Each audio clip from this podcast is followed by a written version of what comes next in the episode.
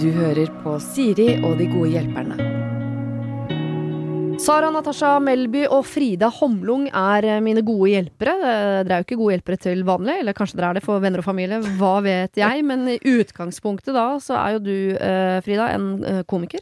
Ja. På alle mulige måter.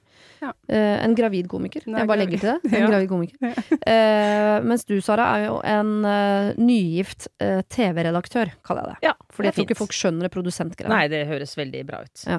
Og så er det forskjellige filmprodusenter, noe annet enn TV-produsent, Ja. og så er det noe radio og noe teater og noe. Jeg tror er ikke hun, folk skjønner det. hun som jobber med TV, lyd og bøker. Ikke Enkelt og greit. Ja. Ja. Sørge for at ting blir bra. Ja. Er ikke det en god tittel? Ja, god- er det jo er god tittel. Ja, men nå er dere gode hjelpere, og jeg har fem fine problemer til dere. Eh, det hørtes veldig Gabrielle ut å si. Jeg vet det, men selvfølgelig veldig Jeg har fem bøker. Hører på noe midt i podkasten. Uh, jeg begynner på toppen her, rett og slett. Oh, ryddig type sånn sett. Kjære Siri og gårdhjelperne. Jeg trenger desperat hjelp til å slutte å være forelska i noen, og håper skikkelig på gode råd fra dere. Jeg er stormforelska i kjæresten til en venninne, og jeg må finne en måte å slutte å tenke på ham på. Det er ikke aktuelt å gjøre noe med disse følelsene, selv om jeg vet at de er gjengjeldt, da det ville ha ødelagt flere vennskap. Men det blir verre for hver gang jeg ser han, og jeg vet ikke hvordan jeg skal håndtere det. Det bobler i meg når vi møtes, og jeg føler vi er de eneste menneskene i verden når vi prater sammen. Her må jeg bare understreke at vi ikke har møttes alene eller gjort noe upassende. Altså, vi møtes bare på fest. Jeg trodde ærlig talt jeg hadde vokst fra å kunne bli så forelska. Jeg har bare likt én fyr på denne måten før, og nå tenker jeg på han hele tiden. Altså ikke på han forrige fyren, men denne fyren. Mm. Eh, har dere noen effektive triks for å slutte å være forelska i noen? Kan jeg gjøre noe for å speede opp prosessen med å miste følelser? Er det noen lure ting man kan gjøre for å slutte å tenke på noen? Hjelp! Jenta hun er 30. Åh, det der er Åh, vondt. den er Mm. kjempe Åh, shit. Jeg hang meg jo opp i den lille innskutte bisetningen 'og det er gjengjeldt'. Jeg vet det, Ja. den hang jeg meg også litt opp i. Ja. Fordi at da tenker jeg jo at man kanskje må ut og ha helikopterperspektiv og se dette i et litt større bilde. Det er jo ikke sikkert løsningen er å slutte å være forelska. Hvis de er forelska i hverandre, Mm. så er det jo ikke sikkert at han skal være i det forholdet han er i heller. Jeg er enig, men jeg ble også litt skeptisk til han, da. Er det en gutt, eller har vi, vet vi det? Ja, samme. Vi sier han. Sikkert. Jeg ble litt skeptisk til han. Mm. Fordi at eh, hvis han da har en kjæreste, men så viser han til venninnen til kjæresten sin at han er forelska i henne, hva slags fyr er det? Jo, jeg tror noen ganger så fins det ikke noe alternativ. Nei. Nei. no, man blir jo sammen med folk, liksom, så man tenker at det er den rette. Og så kom den rette! Og da er ikke noe sånn sorry, du er fem minutter for Jeg, sein, jeg, så det funker ikke. jeg har vært i samme, bare at eh, jeg hadde samboer, så ble jeg forelsket i en annen. Mm. Så det var jo ikke akkurat så veldig lett. Men eh, da prøvde jeg å gjøre den perioden hvor det var det dobbeltspillet der på en måte så kort som overhodet mulig, da.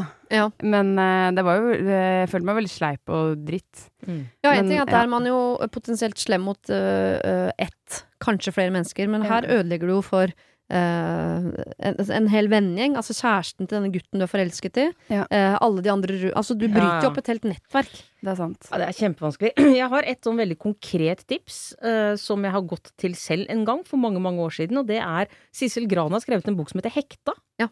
Uh, som jo handler mye om dette. Mm -hmm. sant? Hvordan man skal av, avhektes. Mm. Ikke sant? For det er jo ofte det man, man er. Litt sånn hekta. Ja, absolutt. Uh, så det er ett råd.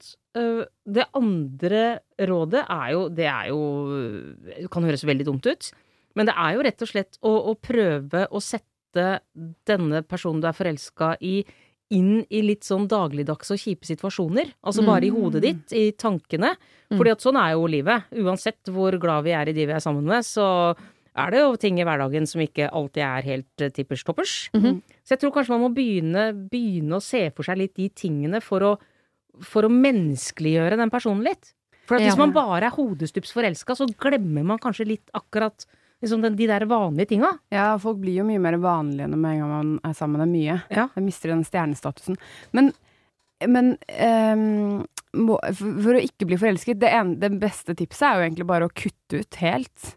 Altså, det er jo Mm. det som virker best. Det er jo det å ikke, da er det ikke se han i det hele tatt Mm. på et halvt år til et år. Ikke snakke med han. Ikke møte hen, hun venninna heller. Eh, For da sitter du bare og leter etter spor, Mm. eh, som en detektiv. Men hvordan han. skal hun forklare det for venninna si, da? Det, nå kan ikke vi møtes. på seks måneder, liksom? Hva skal hun Ja, da må vi finne på Hva en gjør folk som er på. Maskorama, for eksempel? Da? De finner jo på nye unnskyldninger hver lørdag Ja, for hvorfor de ja, ikke kan Jeg den helga, mye å liksom. gjøre, liksom. Ja, ja. Ja, Jo, men det er jo ja. ja. ja det, det går jo sikkert, det Jeg bruker mye sånn åh, sorry. Skulle kjempegjerne begge ungene spyr. Ikke sant? Ja, Ja, ikke sant? på papiret har mine barn spydd så mye. De, har jo nesten aldri spydd egentlig i virkeligheten.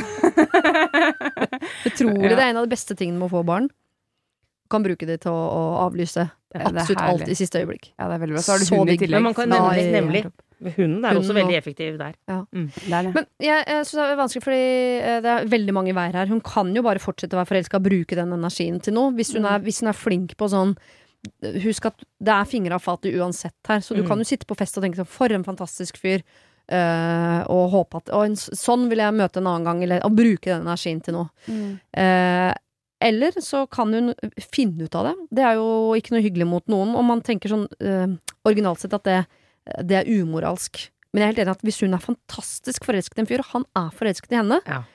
Og det er bare liksom tilfeldige omstendigheter som står i veien for at han da tilfeldigvis er sammen med en annen, og det er tilfeldigvis i samme vending og sånn, Mm. så er det egentlig, hvis man tenker på den, den store særligheten i helikopterperspektivet, Ja. er ikke det viktigere, da? Jeg er enig. Hva med det her, da? Nå har jeg et forslag. Hva hvis hun sier til han Nå kommer jeg til å uh, unngå dere i et halvt år. Mm. Hvis du har lyst Hvis du syns det er dumt, Mm. da må du gjøre noe. Hvis ikke Ja. så blir det det fra nå av, og Ja. ikke ta kontakt med meg, på en måte. Du har et vindu på en uke, da. Mm. Og så etter det så er det Da kommer ikke jeg til å svare på noen ting fra deg, eller noe som helst. Og så For det, han må jo også gjøre noe. Han kan ikke bare Det er jo han som sitter med den avgjørelsen som eventuelt skal bli tatt her. Mm. Så han må jo liksom oppleve hvordan er det å ikke møte henne i det hele tatt, da. Mm. Hvis de er sånn som sitter på middag og ser sånn stjålet på, stjålent på hverandre. Mm. Det er jo litt spennende for han. Da får, han. da får jo han også kjent litt på sånn Er det bare det at det er litt spennende fordi forholdet mitt har blitt litt kjedelig i det siste? Mm. Eller er det faktisk en som jeg elsker, som jeg vil være sammen med? Mm. Og så er det, jo skal man klare at det er noen mennesker som har sånn semi med veldig mange. Mm. Ja, Jeg, sant. eh, jeg er- faller ikke så veldig for den semien, men jeg har jo flere kamerater som er en sånn som alle jenter som møter de, tenker at Mm. de to har noe helt unikt. Det, Ja, sånn, det der opplever han hele tiden. Ja. Sorry, altså, men han gjør faktisk Det er Ikke det er ikke deg, det er, det er han. Eller, Jo, men noen er sånn, ja. men da må man jo finne Da fordrer vi jo at hun må finne ut av det. Da må hun jo snakke med han, og Ja. noen vil jo kalle allerede det for et overtramp. Det er jo litt det. Hadde en venninne av deg på en måte snakket med din kjæreste om du, hva med oss to? Og det ikke ble de to, og du fant ut av det, så er ikke det en venninne er av deg lenger. Da er det ferdig. ja, Mm. absolutt. Men jeg tenker jo akkurat når det gjelder sånne type følelser, og sterke følelser, som jeg får inntrykk av at det er her, så er det jo noen ganger så kjipt at man må tenke på seg selv først. Mm. Altså, ikke sant? At du Ja, rett og slett for å, for å finne ut av det og for å få ro, så kan det nok hende at du må tråkke litt over den terskelen og, og, og være litt kjip ved å snakke med han. Ja. Selv om det er en, en kjæreste og venninne inne i bildet her. Fordi at det første hun må finne ut, er jo om det er helt reelt at det er gjengjeldt. Ja. Ja. Ikke sant? For at hvis ikke det er det, ok, da må vi på en måte begynne å tenke nytt, for da må du gå videre. Mm. Da må du ut og møte nye mennesker. Det høres eh, vanskelig og for enkelt ut, men det er helt sant. Mm. Ikke sant? Det beste som kan skje, det er at du forelsker deg i en annen. Ja. Det kan jo Eh, hende forelskelsen også forsvinner hvis han forteller deg sånn Hæ? Å ja, nei, jeg har ikke tiltrukket deg i det hele tatt. Så du tenker sånn Hva slags fyr er du som sender så rare signaler? Jeg har jeg misforstått deg fullstendig. Ja, ja. Ja, og så eller- forsvinner forelskelsen. Ja, eller om man sier jo 'jeg føler masse for deg òg, men jeg kommer aldri til å gå fra kjæresten min'. For det også gir deg jo en sånn 'ok, greit, men da, da Det kan jeg forholde meg til'. Og da er han jo ikke så bra Nei. fyr. Men, men uansett, da er ikke det vennskapet Det er litt sånn en saga blått uansett. Har ikke det gått i dass uansett, når du blir forelsket i kjæresten til venninnen din? Mm. Sånn ordentlig, sånn ordentlig. Tenker du på, på vennskapet med Ja. Er ikke det uansett gått i dass? Nei, ikke nødvendigvis, tenker jeg. Mm. Eh, fordi at man kan jo ikke styre disse følelsene. Ja, det er skikkelig, skikkelig dumt at det var akkurat han du skulle bli forelska i. Mm. Men, men du har jo ikke Du har ikke gjort noe med det, ikke sant? Så du har ikke tråkka inn på mitt territorium i utgangspunktet, annet enn følelsene dine har gjort det. Men de kan du ikke styre. Nei, nei. Uh, så i utgangspunktet tenker jeg jo ikke at det skal gjøre noe med vårt vennskap. Tenker du det? Det kommer til å være vanskelig. Det er det ikke noe tvil om. Hvis en venninne av meg Hvis jeg har funnet ut at en venninne av meg var veldig forelska i mannen sin, og jeg visste rasjonelt sett at det kan ikke du noe for, det er følelsene dine, så tenk sånn Da er jeg klar over det, men vi to er feil. For jeg kan ikke da se på deg uten å tenke på at du At- sitter og at tenker jeg- på mannen ja, min. ikke sant? Nei, Det er for vanskelig. Da tenker jeg sånn Én En ting er at det fins flere eh, den rette der ute, men det Ja. fins masse potensielle venner der ute. Jeg sånn, Da bytter jeg ut deg med noe annet. Er Dessverre. Sånn er det bare. Ja, det er Ja. altså. Men uh, jeg syns dette er vanskelig, for vanligvis uh, seiler jo dette programmet under flagget alt skal snakkes om. Mm. Men dette her det må man jo vite, fordi jeg syns at de to fortjener å snakke ut om er det noe her, Mm. Mm. uten at denne kjæresten skal involveres. Fordi hvis ikke det er noe der, Ja. så må hun finne en måte å gå videre på. Ja. Og denne venninna trenger ikke å vite det. Nei. Fordi det har egentlig ikke noe med deres er vennskap å vite. Det er bare informasjonen om det som kan ødelegge. Ja. Ja, det Eh, er der jeg mener litt. At ja. det, så, hvis man holder seg der, så er jo det vennskapet ikke ødelagt i utgangspunktet. Nei, men da må hun venninnen aldri få vite dette. Så han må jo Nei. vite at hvis jeg går og snakker med han, og han sier nei, men eh, A, jeg er ikke forelska i deg, eller B, jeg er forelska i deg, men jeg kommer ikke til å gjøre noe med det, så må man jo håpe på at sånn Kan vi holde dette mellom oss? Åh, det er så Ja. vanskelig. Men det er der jeg mener at Men kanskje der er man bare litt forskjellig, da. Altså, noen kan bare legge noe, noe i en boks, og så blir det der. Men hvis jeg hadde vært kjempeforelsket i kjæresten til min bestevenn, Ja. så hadde jo jeg følt meg skikkelig skitten, liksom. Eller Ja. sånn. Mm. Det hadde vært vanskelig. Men det kan jo hende man kan eh, Og så går det noen år, og så glemmer man det, og så var ikke det en altså sånn. Så det er jo ikke sikkert at det trenger å være over for alltid. Men jeg tenker i hvert fall på en, for en liten periode, Mm. så er det jo litt rart Mm. vennskap, egentlig. Men hvis vi skal gi råd til dem Ja. faktisk, for det hun Mm. ber om, er hvordan skal jeg klare å slutte å tenke på han. Ja. Da må du tenke på ting ved han som ikke er bra. Ja. Ja. Eller så tenker jeg at du må hver gang Du kan være sammen med det og se på han og tenke sånn Å, han er fantastisk. Men når du merker at Oi, nå tok jeg det ekstra glasset med rødvin som gjør at jeg faktisk håper vi går på do samtidig, og det skjer Da må du faktisk gå hjem. Ja, faktisk. Da må du. Absolutt. Da må Og, du hjem. og så må du ut og treffe andre. Ja. Eh, Det hø høres og føles helt umulig akkurat nå, Mm. men uh, tro meg, uh, jeg snakker av erfaring. Mm. Du, det går over, og du kommer til å forelske deg i noen andre. Mm. Og så er det noe ved han som er irriterende. Altså, dette er, Det er Ja. omvendt sånn motivasjonspsykologi. Du må bare fokusere på det som er dritt. Jeg, hadde en, jeg har vært forelska i min mann i veldig mange år. Det var en sommer jeg møtte han på kiosken hvor han sto og spilte på uh, sånn kronespill. Det er den ene sommeren jeg ikke var forelska i han, for da så jeg han bare for meg ved det kronespillet, og det var sånn ta, altså det var så nedre for meg. Tenkte, sånn, er du sånn fyr som spiller på kronespill?! Der kan ikke jeg være forelska i. Og da var ikke det den sommeren. Året etter hadde jeg glemt det, Så dessverre. deilig. Ja. Så, så enkelt kan det gjøres. Ja. Jeg føler at hun bare blir kuttet ut uh, de, jeg. Ja. En stund. Det er det eneste det, Alt annet blir seigpining. Ja. ja. Her har du fått masse ekstremt sprikende råd. Mm. Noen av de kan Mm. føles moralsk forkastelige, men noen ganger så tenker jeg sånn Noen ganger må man gå litt over noen grenser for Ja. å finne ut av hva som er på andre grensa. Ja. Og hva som er bra for en ekstrem løsning, syns jeg. Enten kutte ut helt, eller gå all in. Ja. På sånn der eh, Love Actually-plakat på døra, og bare kjør på, liksom. Mm. Men da må du vite hva du potensielt For du kan vinne han, men du kan tape alt. Ja. Ja. Hele vennegjengen. Du får ikke noe støtte i Nei, dette nei. Nei, etterpå. det. Fra han eller henne eller noen av de andre vennene. Nei, nei. Da blir du, du blir utstøtt. Ja. God jul! Altså, det er, Ja, den var God stemning på den. Vi skal over til en pågående mann.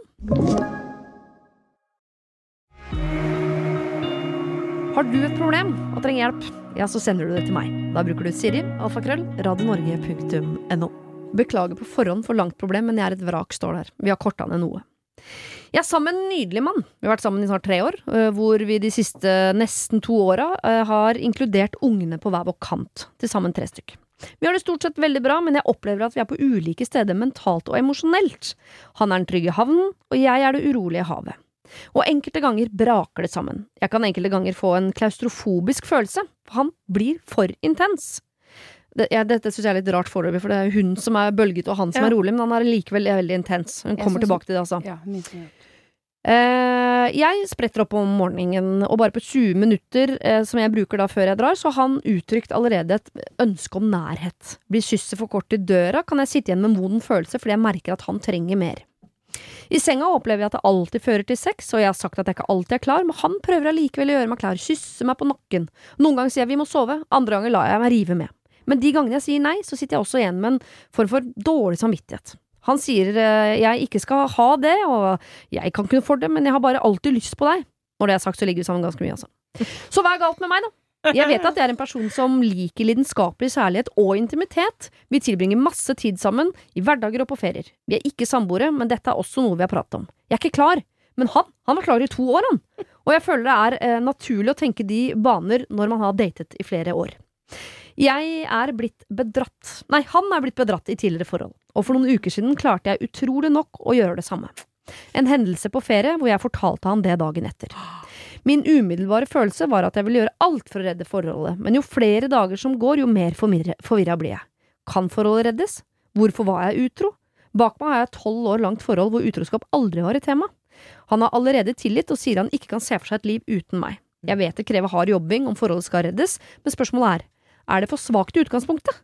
Han elsker meg virkelig av hele sitt hjerte og har så mye kjærlighet å gi, men fortjener jeg den, da? Hilsen en noe rastløs sjel, men som samtidig trenger trygghet. Mhm. Men, men eh, du, du sa du har kuttet ut noe. Er Ja. det, mm, har han vært sånn hele tiden, eller er dette bare noe etter at hun var utro? Nei, hele tiden. Han, sånn, Han sånn- vil ha veldig mye. Han er veldig lidenskapelig. Og vil, Ja. Han vil ha nærhet og, og kjærlighet og kyssing. Altså, han er veldig, Mm. veldig intens. Ja. Samtidig som hun Jeg tror hun tenker at han er rolig, og hun er urolig, så tror jeg det er Hjemmekjær sånn- og utekjær, Nei, mer sånn psykisk at han er veldig sånn rocksteady type, liksom. Mens hun er mer liksom flakkende, Mm. Ja, tror jeg. Ikke sant. Sikkert sånn trygghetssøkende. Du merker bare måten hun skriver på, at det er jo hit og dit, og det er jo som å prøve å følge med på en squashkamp, liksom. Det går ikke. Mm. uh, her tror jeg jo vi har å gjøre med et sånn klassisk eksempel med en som uh, ikke får nok motstand og nok nei. Og det kan høres litt rart ut, i og med at det er hun som sier nei. Men samtidig, ikke sant, når du legger til dette med etter utroskapen, så var det tilgivelse med en gang, og ikke tenk på det, vi, det er oss. Mm. Eh, For vi mennesker er jo litt rare. Selv om vi gjerne vil, vi vil ha det mennesket, og vi skal være sammen, og vi vil ha ro og sånn, så vil vi jo også ha litt den derre Vi vil jo kjempe litt Mm. for noe? Vi vil ha litt kampen. Og det føler jeg jo at hun ikke får i det hele tatt. Mm. Heller ikke når det gjelder, hvis hun aldri kan være den som tar initiativ til sex, eller aldri kan være liksom den som som tar initiativ til sånne type ting, til det ekstra lange kysset, eller For det, det er hos han hele tiden. Er det litt som, i og med at vi alle tre har hund, er det litt sånn sånn om du har vært i postkassa eller vært to uker på reise, Ja. så står bikkja der med tunga ute og Mm. elsker deg så mye at han veit ikke hvor høyt han kan hoppe for å få kos. Ja, ja, Mhm. absolutt. Det er jo koselig det, men uh, hvis mannen min hadde vært sånn, så hadde jeg tenkt sånn å herregud, du må gå bort, jeg orker ikke mer. Ja, kanskje det der utroskapsgreiene nesten var litt sånn et rop om hjelp, eller et rop Ja. om motstand, da, som Ja. du etterlyser egentlig, Sara. Ja, for hvis han hadde slått hånda i bordet da og sagt 'det finner jeg meg ikke i', Nå. Mm. nå må du Ja. bestemme deg. Ikke sant? Vil du dette, eller vil du Altså, dette går ikke. Så kan det jo hende at du sier 'oi, se der, ja'. Det er jo Det er ikke bare liksom kos og klem og kom hit og tvihold og mm. Mm. Jeg har ikke troa på dette forholdet i det hele tatt. Nei, men jeg har egentlig ikke det det- heller i det hele tatt, faktisk. Fordi, fordi at eh, hvis du er skikkelig forelsket i noen, så syns du alt det der er litt så koselig, altså. Ja, fordi, ja, fordi jeg, jeg Men jeg ville jo ikke i utgangspunktet blitt forelska i en fyr som var så intens. Men jeg tror noen ganger eh, Jeg tror det er veldig typisk spesielt for jenter at man blir forelsket i at noen er forelska i seg. Ja, ja, det er sånn, 'herregud, du liker meg godt', og så Mm. glemmer man sånn 'men liker jeg deg egentlig'? Ja, ja. Men han liker henne så godt, hun, at hun er, er som å ha et evig kompliment. Som bare, Han Mm. står bare og, og puster og peser og elsker henne så mye. Hun kan være utro til Hun kan gjøre hva hun vil! Og da tenker jeg, når, når hun syns at, det at han vil kose henne hele tiden, er litt sånn åh, det- er litt Så leter hun etter en utvei, men han er jo bare snill. Han Ja. elsker henne. Jo, Hun vil er trygge. han bare snill? Det er jeg litt uenig i. Er han bare snill, eller er han også litt egoistisk? Fordi han vil jo ha noe fra henne hele tiden. Ja. Det er ganske egoistisk. Han tar jo energi fra henne. Han er jo som en klegg. Altså, han må jo liksom plukke opp litt hvis hun da Hun må jo tydelig Hun må jo liksom signalisere på en eller annen måte at hun ikke alltid vil, da. Det gjør hun, det skriver hun jo også at hun Ja. gjør. At hun ikke er helt like sånn Kanskje kysser litt for kort, eller at noen ganger sier sånn 'nå må vi sove' og sånn. Så da er det jo litt dårlig Det er jo litt ego, da. å Kreve fortsatt Ja, men det er jo vanskelig å ikke Ja. be om ting du har lyst på, Ja. når det står der. Og, hvis, og når du er i et forhold, så tenker du jo på en måte at det er jo bare gode ting å be om, og fine Ja. ting og men, men jeg tror ikke hun har tro på dette forholdet selv, jeg. Jeg tror hun har vært utro for at han ikke skal like henne så godt. Ja, sånn at det det ikke blir så vanskelig å, å bryte ut av det. Og jeg det tror hun vet selv at hun ikke har tro på dette forholdet, for, for du, du leste jo, Siri, at hun allerede har uh, stilt spørsmål rundt denne utroskapen selv, Mm. og hvorfor hun gjorde det. Mm. Uh, og allerede der tenker jo jeg at du vet hvorfor du gjorde det. Og så kan det hende du tenker sånn 'han er så snill, hvis jeg ikke kan være sammen med han engang, hvem kan jeg være sammen med da?' Mm. Men så er det jo bare ikke sånn det funker. Han er en nydelig mann, de har vært sammen i mange år, barna uh, er inkludert, altså hele verden er jo nå bygd rundt de to. Det er utrolig vanskelig å bryte ut av. Eh, Men hvis han gjør det, så har du jo ikke noe valg, så da må du bare finne på noe. Men og, mm.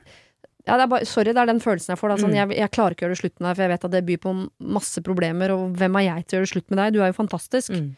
Men hva hvis jeg bare blir litt sånn drittmenneske et lite øyeblikk, sånn at Ja. du kan dumpe meg? Altså, ja. Ja. Det er litt enklere. Ja. Det er enklere, og jeg skjønner mekanismen, men det er også litt feigt. Det må vi få lov til å si. Ja. Ja. Mm. Åh, Mm, jeg tror Men det det er er vanskelig å såre noen som er så snill, da. Ja. Det er kjempevanskelig. Ja. Uh, men det er jo antageligvis like sårende for han hvis han uh, Hvis han kjenner seg igjen når han hører dette.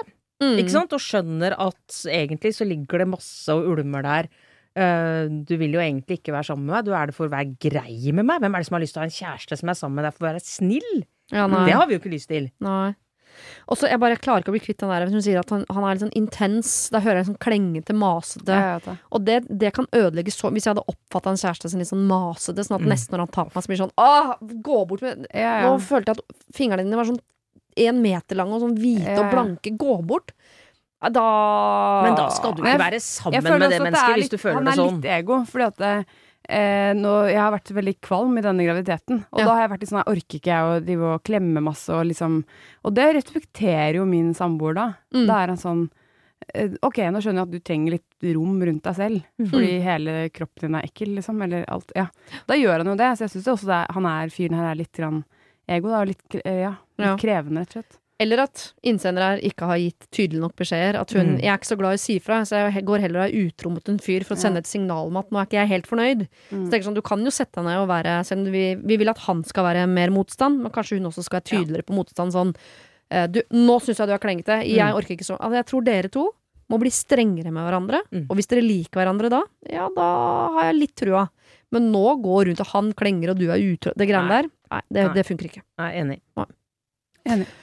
Ah, vi skal over til en ufordragelig bror. Oi.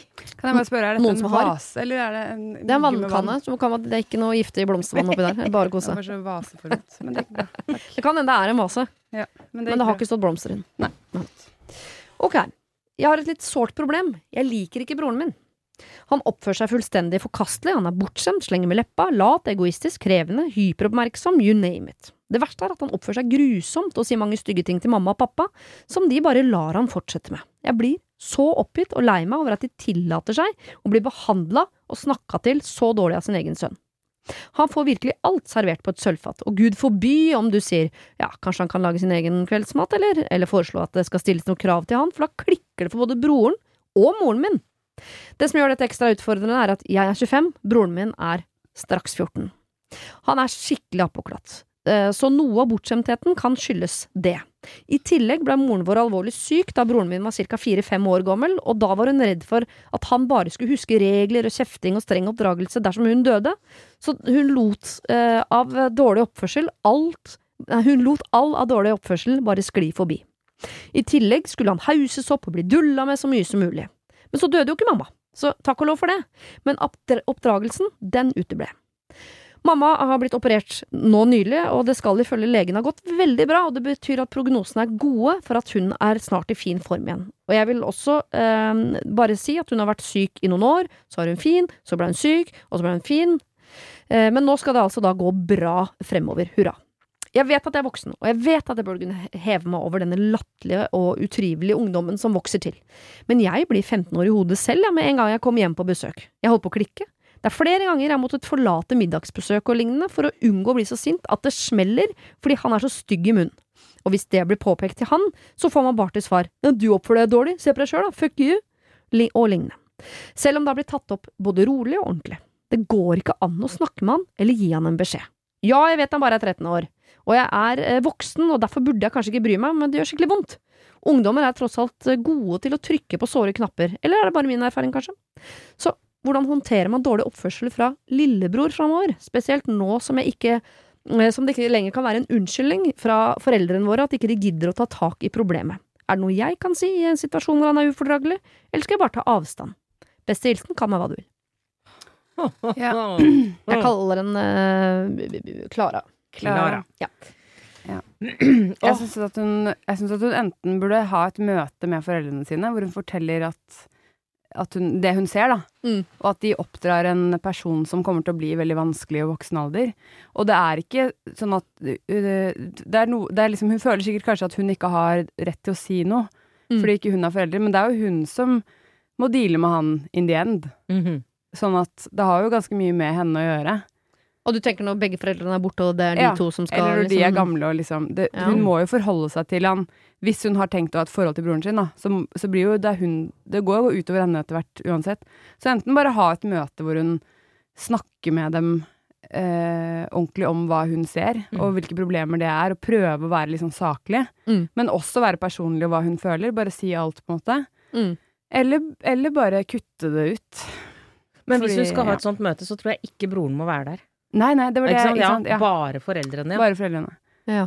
Og at de gjør han en bjørntjeneste, rett og slett. Mm. Og at de tror de på en måte er snille og De har sikkert veldig masse dårlig samvittighet og sånn, ja. men de, de lager jo et menneske som kommer til å slite i voksenlivet. Ja, nå skal det sies, altså min sønn er jo øh, straks 13. Ja. Uh, og de sier jo, dette kan jo åpenbart ikke jeg noe om ennå, men jeg får det vel i fleisen hvert øyeblikk, tenker jeg, men eh, læreren hans blant annet sier at uh, dette er jo den aller vanskeligste fasen, spesielt for gutter. Ja. Uh, de skal finne seg sjøl, samtidig som de skal være mest mulig like andre. De begynner å bli voksne, men de er fortsatt barn. Altså, de, de, I de årene framover nå, fra 12 til sånn 16, hjernen deres er skrudd av. Det er Mm. ingen hjemme. Du kan si nesten hva som helst, og det er, du møter, det er tomt blikk. De har, det, det, er ikke no, det er ikke noen hjemme der. Nei. Eh, så jeg tenker at lillebror 13, 14, Mm. straks 14, får storesøster på 25 og komme inn som noe sånn irriterende, oppdragende vesen på 25. Null effekt. Nei. Og det Klara må huske på, er jo også En ting er den fasen som du snakker om, Siri, men, men i tillegg så har jo øh, Vi har jo ikke konsekvenstenkning før vi er ganske gamle, og det er enda seinere for gutter. Så jeg tror gutter er liksom De bikker 20 og vel så det før de som har ordentlig konsekvenstenkning. Mm. Så det hun tenker er helt naturlig at han bør reflektere over og tenke rundt i forhold til kommentarer han har til foreldrene og sånn, det har han nok ikke. Nei. Og det er, ikke, det er nok ikke vond vilje engang. Det bare, det, det fins ikke. Han har det ikke. Han skjønner ikke konsekvenser av ting. Jeg tror hvis han skal forandre seg så Søstera har han jo åpenbart ikke noe respekt for. Det, altså, det er litt som bikkja mi som tråkker dattera i trynet. Han- ser henne ikke. Han bryr seg ikke. Nei, nei. Eh, foreldrene de har jo latt han holde på i alle år. Snu den vinden tror jeg er vanskelig. Mm. Han i en alder av 21 som kommer til å bli forelska i en eh, litt sånn streng dame, som setter han på plass. Ja, men skal vi pålegge det på en eh, streng dame, da? Skal vi, skal vi liksom Jeg føler det er så Du gjør, du gjør, um, du gjør sønnen en så stor tjeneste ved å lære han å være litt høflig, kanskje rydde opp etter seg litt. Ja. Skjønner du? Så slipper han å få problemer med å være samboer når han blir voksen, da. Mm. Eller uh, bo i kollektiv. Mm. Som jo er en veldig oppdragende greie å bo i kollektiv. Herregud, da får man masse ting i fleisen. Jeg klarte ikke å rydde da jeg bodde i kollektiv, lærte meg liksom etter hvert det. Men Eller militæret. eller militæret. ja, det veldig absolutt. bra. Men liksom, man kan jo prøve å gjøre noen ting i forkant, da, sånn at ikke det sklir helt ut, på en måte. Jo da, og intensjonen her er god. Jeg tror bare at hun som øh, ekstern oppdrager det, det er bare Sorry, kjempegodt Ja, det forslag. funker ikke. Kommer ikke til å funke. Nei. Men og også sånn, jeg bare ser for meg sånn Hvis datteren min skal komme til meg og bedt meg gitt meg sånn litt lynkurs i hvordan bli en bedre mor for det andre barnet mitt Mm. Jeg, jeg, kjenner allerede nå at jeg får litt pig, piggene ute på Det det det? Ja. Du, Gå og skaff dine egne unger. Men eh, Så da er jeg veldig nysgjerrig på For jeg skjønner jo at det er lurt, men hvordan skal du legge fram den samtalen? Ja. Uten, tror du ikke moren allerede har dårlig samvittighet? Hun har sikkert vært dritsliten i mange år. Hun vet at han er ufordragelig og bortskjemt. Hun vet at hun burde sette grenser. Det er sikkert derfor hun blir så sint Ja, òg. men de, or de orker ikke. Ja, det er jo derfor hun reagerer Ja. som hun gjør eh, hvis hun tar opp noe. Hvis Klara Ikke sant? Ja. Det er fordi at man vet allerede. Ja, ja. Eh, Så jeg tror ikke jeg, Ja, nå tror jeg, føler jeg liksom at vi har snakka oss litt til at den samtalen kanskje ikke har så stor effekt. Jeg lurer på om eh, om Klara rett og slett dessverre liksom må prøve å backe litt unna, ja, altså. Ta Mm. liksom tre skritt eh, bakover og tenke ikke mitt problem. De, Ja, for det er noe- ja. Så ikke hun mister respekt for foreldrene sine, hun også. For de har jo helt åpenbart gjort en veldig god jobb med henne. Mm. Og så har omstendigheten gjort at de orka ikke å følge opp på nummer to, som jo ofte er ganske vanlig uansett. Ja. Men eh, Så jeg tror også jeg ville, jeg ville ha bare gått litt ut av det problemet. Ja, for det, det kan hun også gjøre. Det er også litt viktig å si, da, at eh, bare fordi man er i familie med noen, så må man ikke være bestevenn med dem. Så hun kan jo bare tenke at liksom Ok, nå, nå har jeg veldig piggene ute akkurat på han broren, Mm. så kanskje jeg bare skal ikke henge med han hele tiden. Mm. At jeg bare Ja. Og, og hun er jo også i en alder hvor ingen, eh, tror jeg, vil reagere på om hun ikke er med på sånn veldig mye familieting. Nei, og, ikke sant? Det er mye som skjer. 25, det skjer ting rundt omkring med venner og sånn. Mm. Så bare prøv å styre unna de verste sånn sammenkomster hvor uh, disse situasjonene pleier å oppstå. Mm. Sånn at du har liksom minst mulig interaksjon. Ja, eller skap et forhold til dine foreldre eh, litt på sidelinjen. For Mhm. det, gå og finn på ting med mora di aleine, med faren din aleine, med mora og faren din aleine. Ja, ja. Og kanskje være mer sånn støttende i sånn Kjempelurt. Er det litt sliten sånn Ja. med han 14-åringen hjemme nå, eller? Jeg husker jo da- meg da jeg var 14. Det er jo ikke akkurat mange hjemme er, Altså, jeg, dere må jo være helt utslitt. Ja, at det er litt sånn- mer sånn at ja. sånn, Jeg forstår at det er vanskelig å håndtere en 14 år gammel gutt hjemme nå, og kanskje tilby sånn Er det noe jeg kan gjøre, eller? Mm. Eller Ja. eh, Eller Ja, sånn, eller, eller, eller liksom å skryte litt av dem òg, da. Hvis de Ja. har litt lav selvtillit på den biten. Mm. Og være litt sånn 'Jeg er veldig fornøyd med min oppdragelse'. Ja. Jeg hadde en fin barndom. Minne om det, da. Hvis hun føler at hun hadde det. Som, som jeg føler, kjenner i hvert fall ikke gjennom det motsatte. Nei. Så på en måte Kanskje de trenger litt klapp på skulderen òg. Mm. Og Men kanskje spørs det sånn, hvordan, hvordan føles det for deg når han sier uh, 'sett inn i oppvaskmaskinen sjøl, din gamle hore'? Jeg vet ikke hva han sier det, men la oss si at han gjør det, da. Hvordan, hvordan sendes det, liksom? Og da Mm. vil hun si sånn 'nei, det er jo ikke noe hyggelig'. Nei. Nei, det skjønner jeg. Men hva gjør man? At jeg ville vært mer sånn Ja. spørrende enn belærende. For jeg Ja. tror ingen Jeg bare prøver, jeg prøver hardt å sette meg inn i hvordan det må være å være sånn 40 og litt sliten. Helt umulig for meg å sette seg. Og så kommer det en sånn frisk 25-åring som, Ja. som prøver å servere meg løsningen.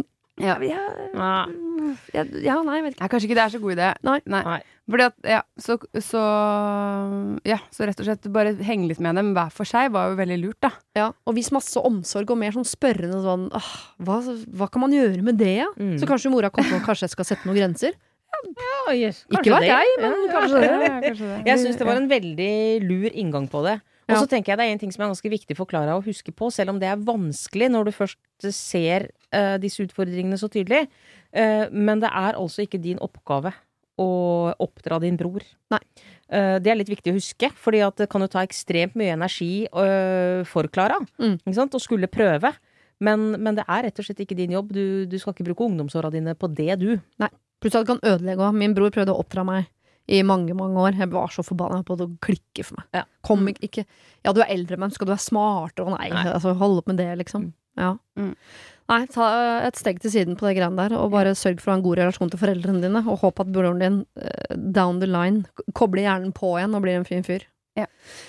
Ok, vi skal over til noe jeg orker ikke. Jeg, det, jeg visste ikke at du var uh, gravid, Frida, når du kom. Jeg, Er det sånn er jeg, Jeg har akkurat spontanabortert? det er en del av det, ja. Ok. Ja. Ja. men det går bra. Jeg er i en slags lykkelig knipe og trenger deres råd. Min samboer og jeg har vært sammen i mange år. Vi er hverandres sjelevenner, og nå ønsker vi oss barn sammen. Det har vi prøvd på det siste året uten at det har blitt noe levende barn ut av det. Det å bli mor er nå mitt aller største ønske, og noe som jeg ikke klarer å slutte å tenke på. Det tærer til tider på forholdet vårt, med alle opp- og nedturer, alt fokus på sykluser og tester og tanker om hva kanskje vi ikke kan få biologiske barn sammen, osv. Men jeg føler alltid at vi er et lag som jobber mot et felles mål, basert på vår kjærlighet. Vi har vært gravid sammen en gang tidligere, men måtte gjennom en prosess for å få dette embryoet fjernet, og det ga meg en så psykisk knekk at en alternativ abort er ikke der nå. Jeg skal bli mamma, hvis kroppen spiller på lag. For noen uker siden møtte jeg en kamerat fra ungdomstiden. Etter en stund spurte han om jeg ville møtes på en kaffe. Jeg spurte min samboer om han syntes at det var en god idé, og han sa ja, det høres jo hyggelig ut, det. Vi er vant til at begge har venner av begge kjønn, og vi er ikke spesielt eh, sjalu av oss. Kaffeavtalen ble til, og både kaffen og samtalen var god, og utover kvelden ble det servert middag og vin. Mye vin. For en stakkar som prøver å bli gravid og ikke har drukket en dråpe alkohol på over et år, så ble det for mye vin. Jeg åpnet meg til han om våre utfordringer rundt det å få barn og alt annet i forholdet. Han åpnet seg om at han har vært forelsket i meg siden ungdomstiden, og at han aldri har sluttet å tenke på meg som the one that got away. Jeg tror jeg gjorde det tydelig at jeg var veldig sikker på at samboeren og jeg er rett for hverandre, og at vi er klare for å starte familie sammen. På grunn av all vinen så har jeg fått et blackout, for jeg husker ikke mer av denne kvelden. Det er kun bruddstykker om at jeg var på soverommet hans, så et annet minne om at jeg lå og tok en liten napp på en benk på en bussholdeplass midt på natta etter å ha kastet opp. Jeg vet ikke når jeg kom hjem, men jeg våkna opp hjemme hos samboeren min som var litt bekymra over min bakfulle tilstand. Men jeg forsikret han om at jeg hadde det bra, at det ble bare litt mye vin. Nå er jeg gravid. Cliffhanger. Mm. Ønsket mitt er nærmere oppfyllelse enn noen gang, og vi er lykkelige. Men så kom jeg til å tenke på den kaffe- og vinkvelden. Hvorfor i huleste var jeg på soverommet hans? Skjedde det noe som jeg ikke husker? Hva om denne graviditeten er et resultat av denne kvelden? Og hvordan kan jeg finne ut av det? Jeg har en eh, vennskapelig tone med eh, denne barndomsvennen til tider, eh, men den kvelden har vi aldri snakket om. Min samboer vet at jeg er gravid, og han er klar for å bli far, men kanskje ikke til noen andres barn, eller? Til info er de veldig ulike utseendemessig, så det vil nok være liten tvil om hvem som er faren når barnet eventuelt blir født. Vi er alle i slutten av 20-åra. Hilsen fortvilet gravid Maja. Altså, unnskyld at jeg ler. Uh, for en situasjon å være i. Det blir bare Mm, verre altså, og verre, det ja. her. Altså, det første jeg må si, hvis jeg får lov, Ja. uh, det er jo at hvis, hvis dere har en vennskapelig tone, du og denne kompisen din, så tenker jo jeg umiddelbart at det er en grunn til at dere ikke har snakket om den ene kvelden. Ja. Det er det første jeg tenker. Ja, men grunnen kan Hva være at det ikke er noe å snakke om. Nei, men altså hvis, altså hvis du blir så full at du på et tidspunkt har havna på soverommet hans, og du har sovna på en benk, og du har spydd, så er det jo noe å snakke om selv, selv blant venner. Sånn Oi, det var, du tålte ikke så godt alkohol, eh, og det er jo en god grunn til det, liksom. Altså, Ja. det er, det er veldig rart å ikke nevne den kvelden med et ord. Ja, og Det det er- må, da er jo et alternativ å snakke med han. Hva skjedde egentlig den Ja, det er det første jeg ville gjort, faktisk. Det Men- må hun gjøre. Ja, og det kan jo føles litt anklagende for han sånn, hva er det du anklager meg for egentlig? Men det må man vel kanskje. Nei, Jo, men men det det må man- være ærlig og si Hun trenger ikke å trenger jeg ble så anklage. full, jeg husker ikke alt. Hun burde legge fram sånn her. Uh, jeg var veldig full. Det, det skjønte sikkert ikke du. Men, du vet, men uh, jeg ble mye fullere enn du sikkert trodde, fordi at jeg hadde ikke drukket på et år, og du vet vi prøvde å få barn og bla, bla, bla. Så jeg bare f- har litt nøye noia, for jeg husker at jeg var på soverommet ditt. Hva skjedde egentlig der? Kan du si meg det helt ærlig? For eh, jeg blir bare litt stressa av å tenke på det. Og så bare se hvordan han svarer på det. Mm. Det må hun jo gjøre. Ja, jeg er helt enig at hun må det. Ja. Men Altså, går det det tenkte jeg før jeg fikk vite det med at det var utseendemessig ulike, liksom. Ja. ja, men det at hun sier det, betyr at hun egentlig har vært innom alternativ sånn Jeg bare kjører på og føder den ungen, jeg ser Ja. åssen det går. Ja. Som jo er Jeg skjønner at det er en fristende løsning, men det er slemt, ass. Ja, det Men poenget er jo at hun er jo nødt til å snakke med denne kompisen om det, fordi at den eneste måten Altså, hun må jo finne ut av dette før dette barnet kommer. Ja. Ikke sant? Og den eneste måten å finne ut av dette på, altså, det betyr jo at eh, en av disse gutta må hun i hvert fall få DNA fra.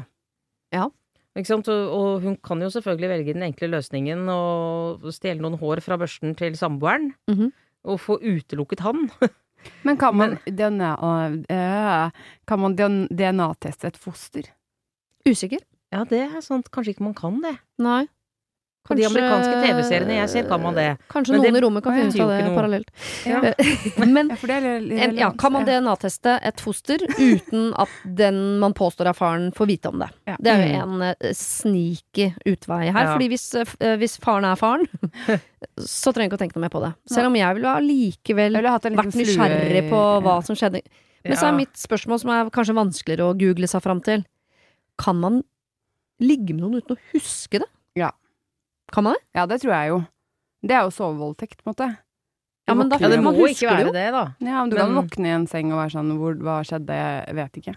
Og så Hæ. Ja, så det Men for, har man ikke noen sånn kroppslige signaler etterpå som sier deg noe som Der, der skjedde det noe.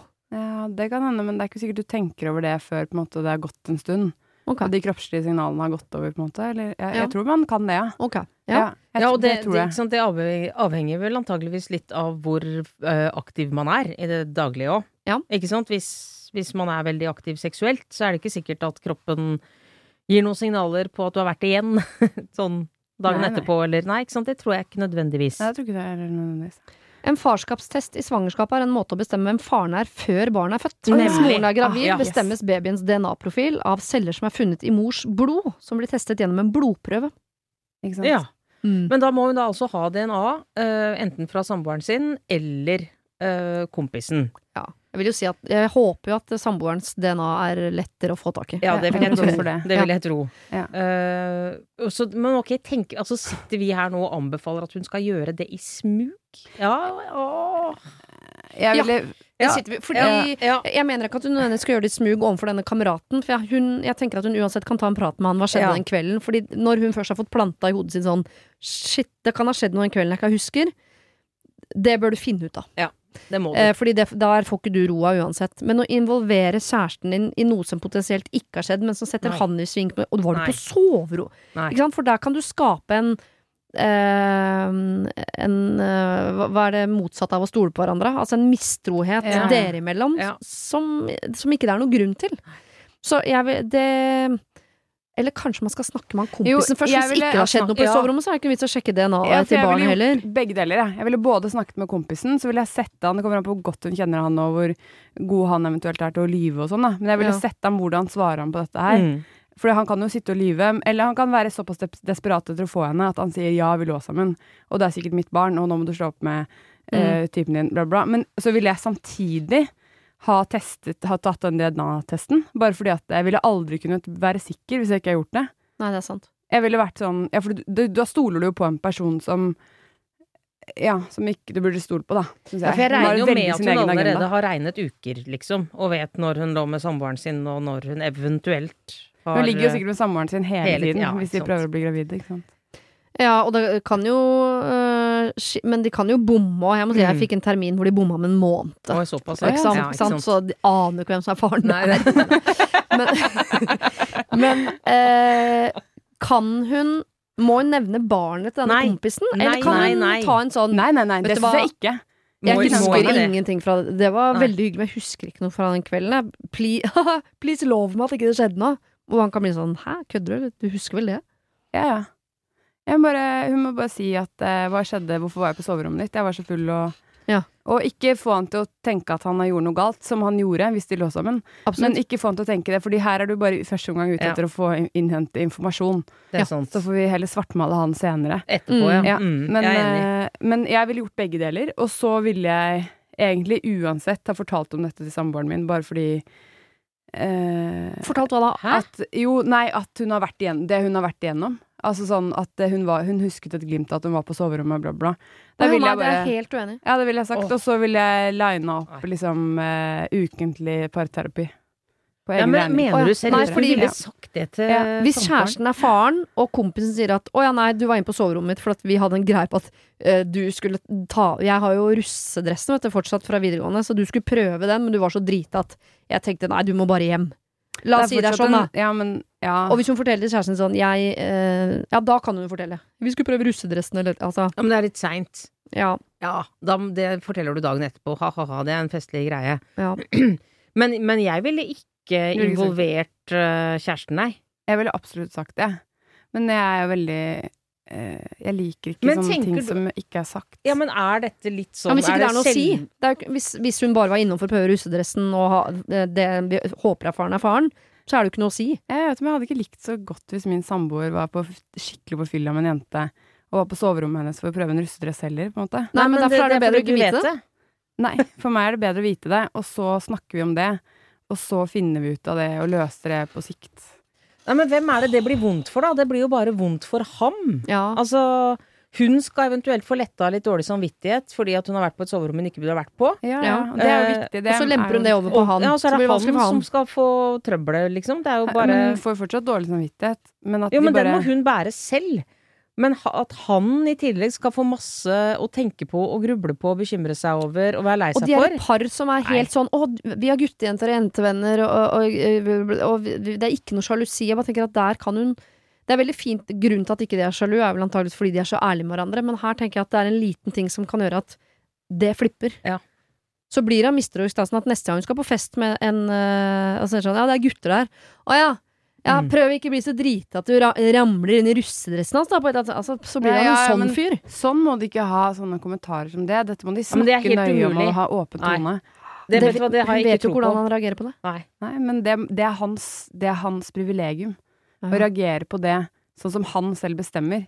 Jeg syns ikke hun skal ta den avgjørelsen på vegne av han. Det syns jeg er dårlig gjort. Vet du hva, Dette er en samtale som alle par må ta, fordi det er helt tydelig at hvis uh, din kjæreste gjør noe sånt, så vil du vite Ja, det. ja, ja, og det har jeg sagt før veldig tydelig. Ja, så det, er, det er en samtale med alle ta. Er, Ja. Jeg orker ikke å ha den samtalen med min lokfører, så jeg bare håper han hører på både det. sier jeg fra her nå. Hvis du ramler inn i russedressen til en eller annen dame på nachspiel, og det ikke skjedde noe mer enn det, så jeg vil ikke vite om det. For da låser jeg døra fra utsiden, og så slipper ikke du noe mer ut. Mm.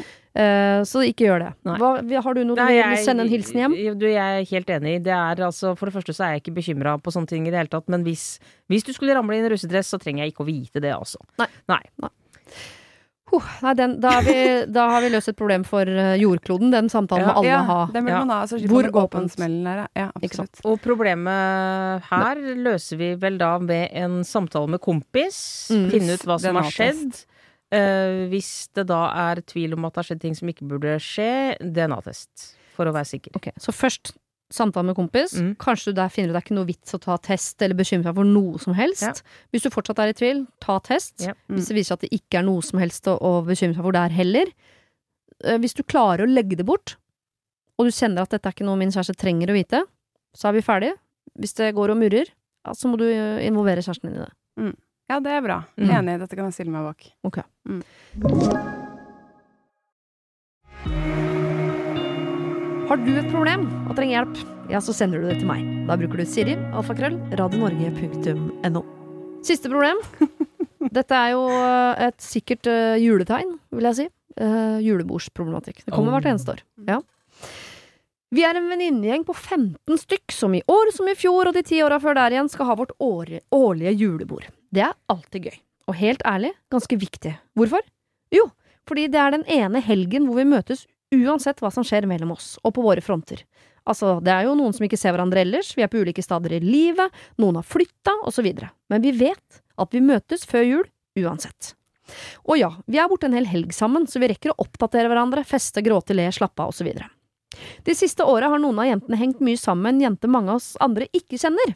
Ikke så rart, altså, for blant annet sånn som jeg, da, vi har jo flyttet vekk, så jeg ser ikke så mange av dem så ofte.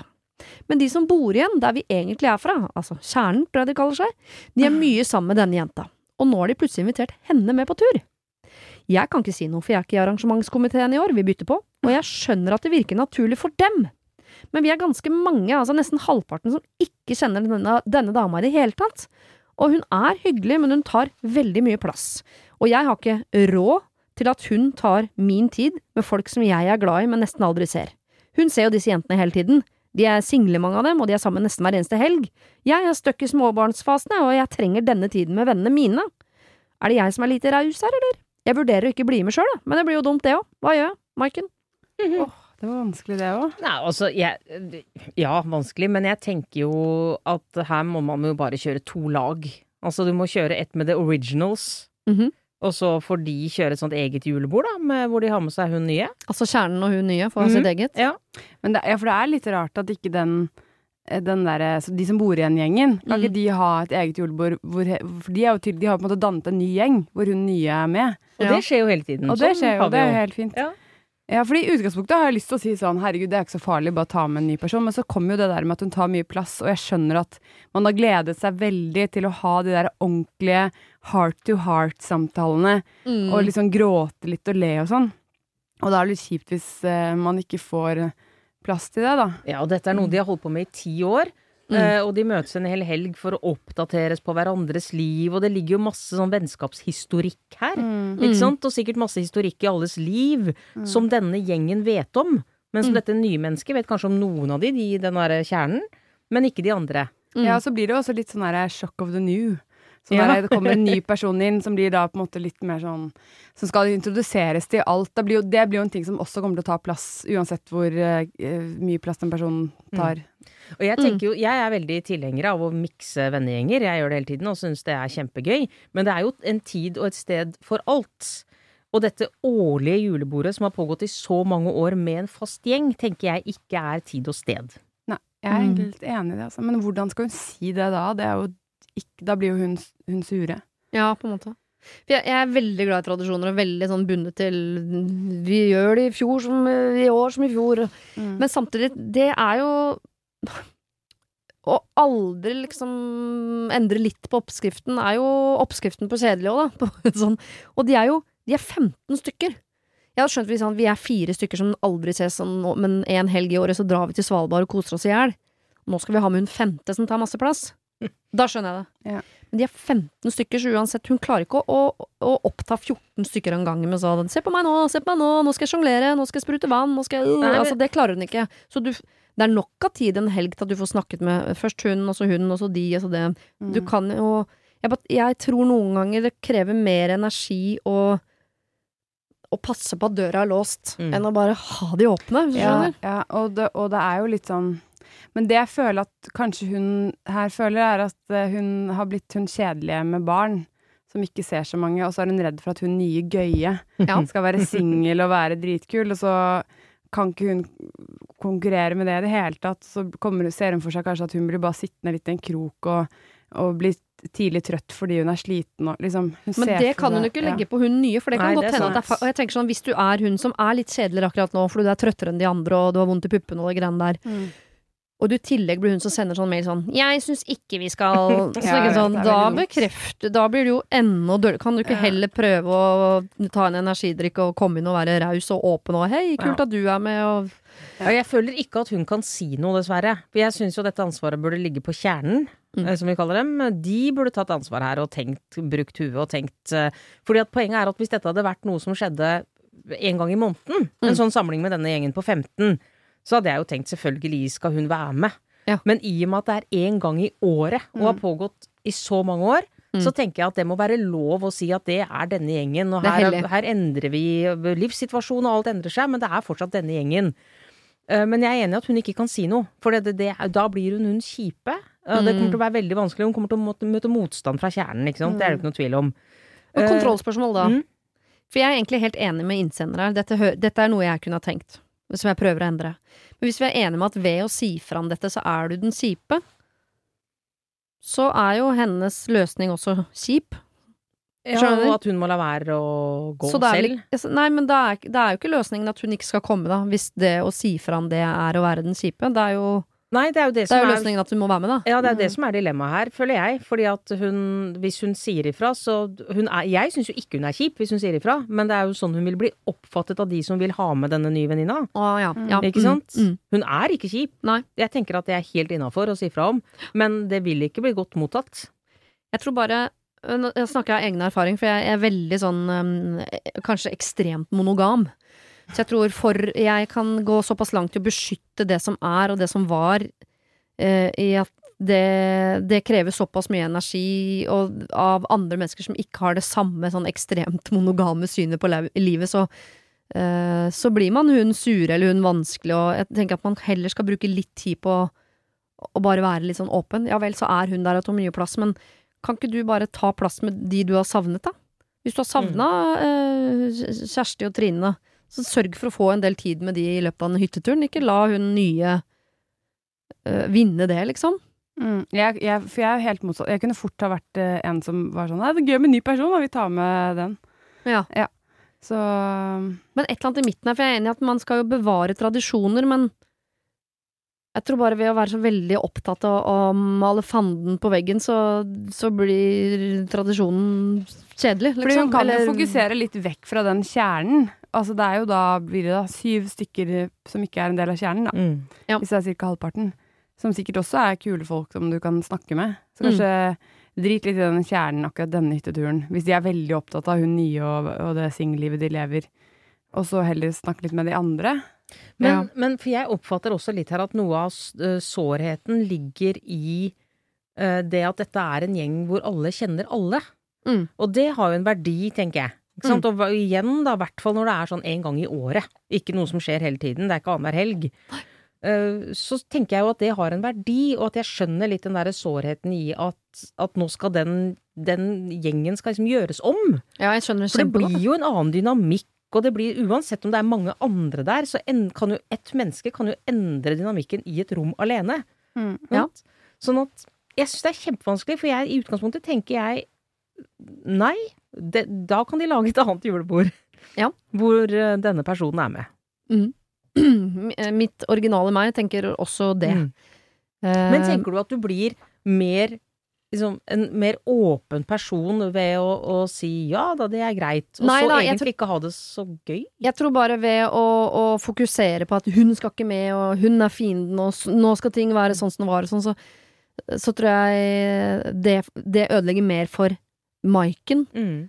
Uh, de andre får Men- ikke med seg noe av dette. Så jeg, Men går det an å ha en inngang hvor man sier litt sånn ok, jeg skjønner at det er mange av dere som har lyst til å ha med noen nye mm, også inn i julebordet. Det skal ikke jeg. Jeg skal ikke være den som sier nei til det. Men jeg har litt sånn behov for å, å oppdateres og prate og sånn med dere. Kan vi finne en annen, om det ikke er en hel helg, kan vi finne en lørdag hvor liksom gamlegjengen møtes? Mm. Går det, kan man liksom ha Ja, en for da har sånn man på en måte inngang? sagt det litt uten Ja. å si det. Og uten å, å si nei? Jeg vet ikke. Og så skjønner jeg det godt hvis det er sånn at din aller, aller beste venninne egentlig har blitt bestevenninne med denne nye, Ja. så, så skjønner jeg sånn Å ja, så de, det skal være de to denne helgen, Mm. mens skal de dele rom, de da? Så må jeg ligge på rom. Hvem skal jeg ligge Mm. Jeg tipper det er noe sånt Det er inni sikkert her noe også. sånt eh, inni der, ja. Men jeg, jeg, jeg begynner å helle litt mot at For at det er egentlig litt fan av at venner er en sånn plussgreie. Mm. At ikke det er en jobb, og at du ikke du skal gi vennene dine dårlig samvittighet og sånn. Så jeg tror jeg bare Jeg, vil, jeg tror jeg selv ville bare dratt på den hytteturen, Mm. og så sett hva som skjer. Og hvis hun er veldig slitsom, hun nye, da, Mm. så kommer hun til å ødelegge for seg selv. Ja. Og hvis hun er eh, kul, og det er en grunn til at jeg ble venn med henne, så kanskje du bare får en ny venn. Ja. Og ja. Og så- Men da må man gjøre noe med innstillinga si når man drar, Fordi da må man dra og tenke sånn Dette blir gøy, og hun er sikkert hyggelig, ikke noe sånn Nå skal jeg i hvert fall sitte og skule på hun fra borti et hjørne, for det er jo du som får det kjedelig. Ja, ja. Hun får ikke med seg Hun står jo borti et hjørne og, ja. og sjonglerer med mandariner og er gøyal og viser puppene, liksom. Eller jeg ville tenkt sånn Jeg skal ha det gøy, og jeg skal få sånn at de andre også har det gøy. Mm. Det skal jeg sørge for. Det er mitt mål for denne helgen her. Mm. Gøy og hyggelig eh, stemning. Og så bare la hen, hun andre ta ansvar for seg selv. Og hvis det i årets julebord blir helt annerledes og ikke noe gøy, ingenting, og det er Og du kan liksom nærmest bevise at det er på grunn av henne, så vil jeg i etterkant eller fram mot neste år sørga for A, være i arrangementskomiteen, og B, kanskje høre med noen andre sånn var det ikke veldig hyggelig når som kjenner hverandre før? Jeg føler ikke at jeg er ikke trygg når hun er der, og det blir annerledes, Og, Mm. Men jeg syns nå å bestemme seg for at det blir dritt, Mm. uten å ha prøvd det, er dumt. Ja, og så kan man helt ta en prat med sånn, men vi, vi åpner ikke opp for sånn at vi etter hvert blir sånn 35 med hiten og ditten, Nei. og kan jeg ta med kusina mi, for hun er også ganske hyggelig, og at, ja. Mm. Ja, Mm. for det- hun, hun påtar seg et ansvar som er litt sånn kjipt for henne å ha, ved å si fra. Ja. Da blir hun bare hun som sa fra om det, og så da blir det egentlig bare, handler bare hele helgen om det, egentlig. Mm. Ja, for jeg tror det er lettere at hun tenker at jeg drar dit og har det gøy, Ja. enn at hun nå skal prøve å endre dette som de andre er enige om, Ja. og allikevel sørge for at de Fordi da blir det mer sånn Og hun blir skult på surmuling ja, ja, ja. Tenk mer ego. Sett deg Ja. selv, dra og sett deg selv Ja. i et godt lys. Ja, ja. Og Vær drithyggelig, vær liksom raus, spander vin, øh, le av andres vitser. Vær den kuleste i rommet, liksom. Mm. Og stryk for all del det alternativet ditt om å ikke dra. Ja, Ja, ja, det ja, det har jeg er glemt, ja. Bort med det. Ja, Ja, ja. Det er ikke et Dette alternativ. trenger hun jo. Hun må jo få noe Hvis hun er hjemme med småbarn og Hun må få noen nye inputs, om det så er at hun nye dama er dritirriterende. Ja. Så er det i hvert fall noe hun kan øh, holde på med, da. Og, og du er jo antageligvis ikke den eneste som syns det. Nei, Ikke sikkert Hvis ikke. det er sånn, det er da godt er dere flere. Yes. Dra dit, ha det gøy, ha det gøy med de du har det gøy med. Ikke Mm. fokuser på det som er irriterende. Ta det eventuelt i etterkant. Ja, enig. Eh, Sara Natasha, nå bruker jeg begge navnene. Da er det alvor. Og, det er alvor. Eh, Frida, det har vært fantastisk å, å ha dere her. Følg, skal fortsette å følge med på um, Maskorama. Mm. Håper det dukker opp et menneske inn i dokka neste gang. Ja. Gøy med dokke, men kan ikke ha flere. Det kommer nok mennesker nå, tror jeg. Det kommer mennesker Ja, nå, ikke sant? Ja. Eh, Ser du på, Frida? Jeg, jeg, så, jeg så faktisk på det i stad, fordi at eh, som research. Men jeg har sett på litt Jeg har fått med meg Fantorangen var i en, eh, en kostyme, var det Ja. det? Ja. Ja. Det var jo veldig kontroversielt. Veldig. Ja. Ja, men ungene elsker det. Ja, Ja. Men det er vel for å veie opp for uh, Ringnes og kompani i fjor, som var sånn Å ja, det dukka opp en 200 år gammel mann som ungene bare Hva faen, hvem er det? Ikke sant? Så da måtte vi gå litt motsatt i år. Så nå er vi null. Så nå kan vi ha vanlige folk herfra. Absolutt. Ja, det er bra. Mikser opp litt. Det, Ja, det er derfor jeg ser litt rart på dere hele tiden, Fordi at jeg ser jo etter glitter. På alle jeg møter. som nei, er nei, ikke sant. Så jeg er Ja. mistenksom på alle. Og jeg, nå er jeg veldig mistenksom på deg, Frida. Er du det? Å ja. Fordi jeg, vi har fått et tips om at det ser ut som at, jeg, at Huldra er gravid. Oi. Ikke sant? Så når du Oh, det er kommer så jeg bare for Huldra, da, men- «Åh». Ja, hvis Huldra ikke er det, så er det jo ikke så bra, kanskje. Det Men det er jo et det kostymet, det er jo bygd litt sånn. Ja. Så det kan jo være at det ikke er tilfellet. I er det det hele tatt. Er det ikke da det som luregreie? Ja, det høres ut som en dame, altså. Ja, ok. Ja. Oh, Men du er vi- ikke opptatt på lørdager fremover? Eh, Nå fikk jeg lyst til å være sånn Ingen kommentar. Det har blitt en greie nå blant eh, kjendiser at de vil at folk skal tro det er de som Ja, er ja, jeg prøver Ja, å skape meg et navn her. Ok, vi kan konspirere om Maskorama i timevis. Det skal vi ikke gjøre, for den podkasten finnes allerede. Eh, så da, eh, det blir spennende å følge med på framover. Lykke til med babysen. Mm. Husk å ikke Nei da. Nei. Ikke. Tusen takk for at dere kom. Det var det. Husk å sende ditt problem til siri at radionorge.no om du vil ha hjelp. Denne podkasten er produsert av Klynge for Bauer.